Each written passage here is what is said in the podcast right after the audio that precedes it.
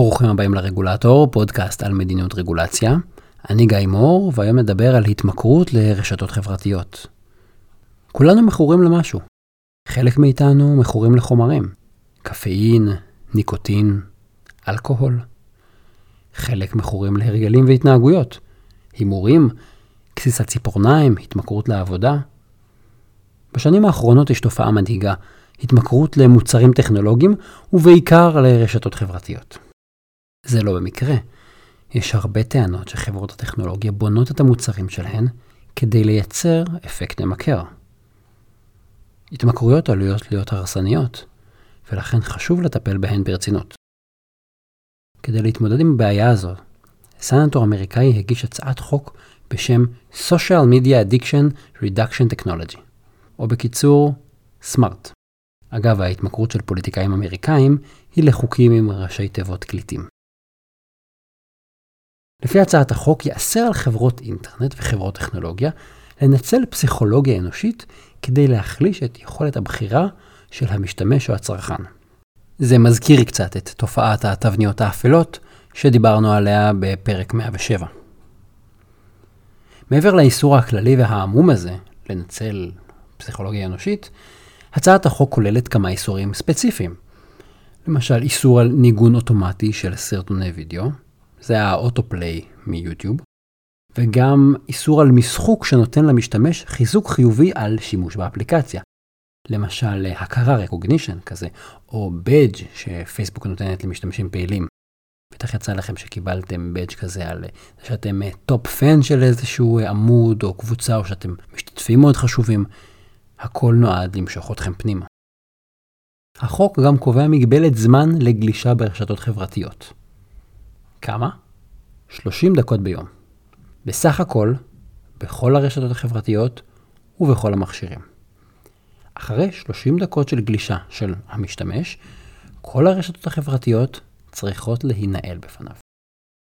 החוק יאפשר למשתמש לשנות את המגבלה הזאת, אבל בתחילת כל חודש היא תתאפס ל-30 דקות שימוש. בכל חודש מחדש תצטרכו להגדיר אחרת אם אתם רוצים. בעיניי הבעיה העיקרית עם הצעת החוק הזו, הצעת החוק סמארט, זה שנראה שמחוקקים בלי להבין עד הסוף את התופעה או את הבעיה שרוצים לפתור. למשל, סעיף 6 לחוק מורה לערוך מחקר מקיף כדי להבין את התופעה ואת הסיבות להתמכרות לרשתות חברתיות. זה רעיון טוב, אז אולי כדאי לעשות את המחקר לפני שרצים לחוקק. ומסתבר שיש קצת מחקר על הנושא, ממה שאני הצלחתי למצוא בכוחותיי הדלים, ואני לא הקונגרס האמריקאי. וייתכן שהבעיה שונה ממה שנדמה למנסחי הצעת החוק. למשל, מחקר אחד שמצאתי לא מצא ראיות מובהקות לכך שרשתות חברתיות פוגעות בבני נוער, שזו אחת הסיבות המרכזיות שאותו סנטור מנסה לקדם. כמובן שזה לא אומר שאין בעיה בכלל, או שלא צריך שום רגולציה, אבל זה אומר שאנחנו לא יודעים מספיק, או שלא הגדרנו מספיק טוב את הבעיה. ויש גם בעיות יותר ספציפיות. החוק בעצם אוסר על כל מיני פונקציות טכנולוגיות, למשל על האוטופליי. אבל הוא מפספס שטכנולוגיה היא ניטרלית מבחינה מוסרית, ואפשר להשתמש בה גם למטרות חיוביות וגם למטרות שליליות. למשל, אפשר להשתמש באוטופליי של יוטיוב למטרות טובות.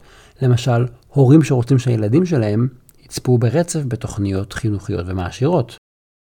כמובן שמצד שני, טכנולוגיה יכולה להיות מזיקה. הצעת החוק מבקשת לייצר פונקציות חדשות למטרות חיוביות, למשל, נעילת חשבון אחרי 30 דקות שימוש ביום. אבל משתמש שהוא לא מכור, עלול להינעל מחוץ לחשבון שלו ולהיפגע מכך. למשל, תחשבו על מישהו שמשתמש ברשת חברתית למטרות עבודה, או כדי לשמור על קשר עם קרובי משפחה שלו שגרים רחוק. כמובן שהדבר הכי חמור זה מישהו שרוצה לקרוא פוסטים על מדיניות רגולציה והוא לא יכול בגלל שהרגולציה סגרה לו את פייסבוק. אז המטרה היא חיובית, האפקט אולי לא. ההוכחה הכי יפה ליתרונות של אותן פלטפורמות היא שהסנטור שמקדם את הצעת החוק גם פרסם טור דעה חריף בעיתונות כנגד הרשתות החברתיות והוא טען שהיה עדיף שפייסבוק הייתה נעלמת לגמרי. ואז הוא מיהר ושיתף את הטור דעה הזה בעמוד הפייסבוק שלו. אני רוצה להציע שתי אלטרנטיבות. אם אין לנו מספיק מידע, עדיף שלא נמהר לחוקק. בוודאי שלא חוקים כל כך גורפים. ואם חשוב לנו לטפל בנושא הזה, יש כמה דברים שאנחנו יכולים לעשות בינתיים, עד שנערוך מחקר מקדים ועד שננתח לעומק את הבעיה. אפשרות אחת היא מענה ממוקד. יש מספיק כלים רגולטוריים כדי לטפל בבעיה הזאת. למשל בארצות הברית ה-Federal Trade Commission ובישראל הרשות להגנת הצרכן מחזיקות בסמכויות רבות ורחבות שיכולות למנוע ניצול ופגיעה בצרכנים. ה-Federal Trade Commission כבר עשתה את זה. והרגולטורים בתחום יכולים לפרסם חוות דעת שמבהירות את הרגולציה וגם לנקוט בפעולות אכיפה ממוקדות כנגד פרקטיקות בעייתיות של פלטפורמה כזאת או אחרת.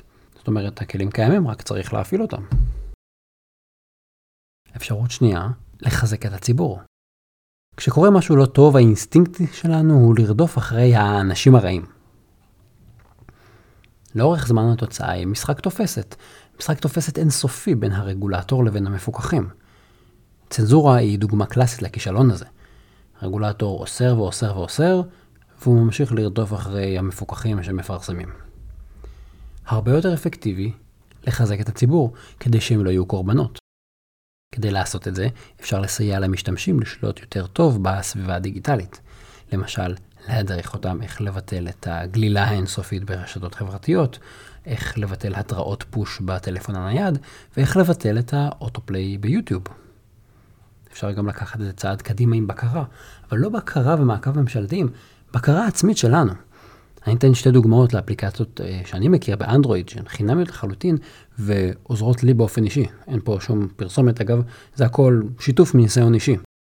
יש אפליקציה שנקראת Action Dash, שמציגה דוחות על משך הזמן שביליתי מול מסך הטלפון, וגם על מספר ההתראות שאני מקבל בשעה או ביום. ויש אפליקציה שנקראת Stay Focused, שחוסמת אפליקציות והתראות מיותרות, וגם יכולה להציג באופן בולט כמה פעמים פתחתי את הטלפון ביממה האחרונה. ויש עוד המון כלים, אלה רק דוגמאות. אלה כלים שמחזקים אותנו, את הצרכנים, את המשתמשים, הם בונים אצלנו יכולת להתמודד עם גירויים ועם המניפולציות.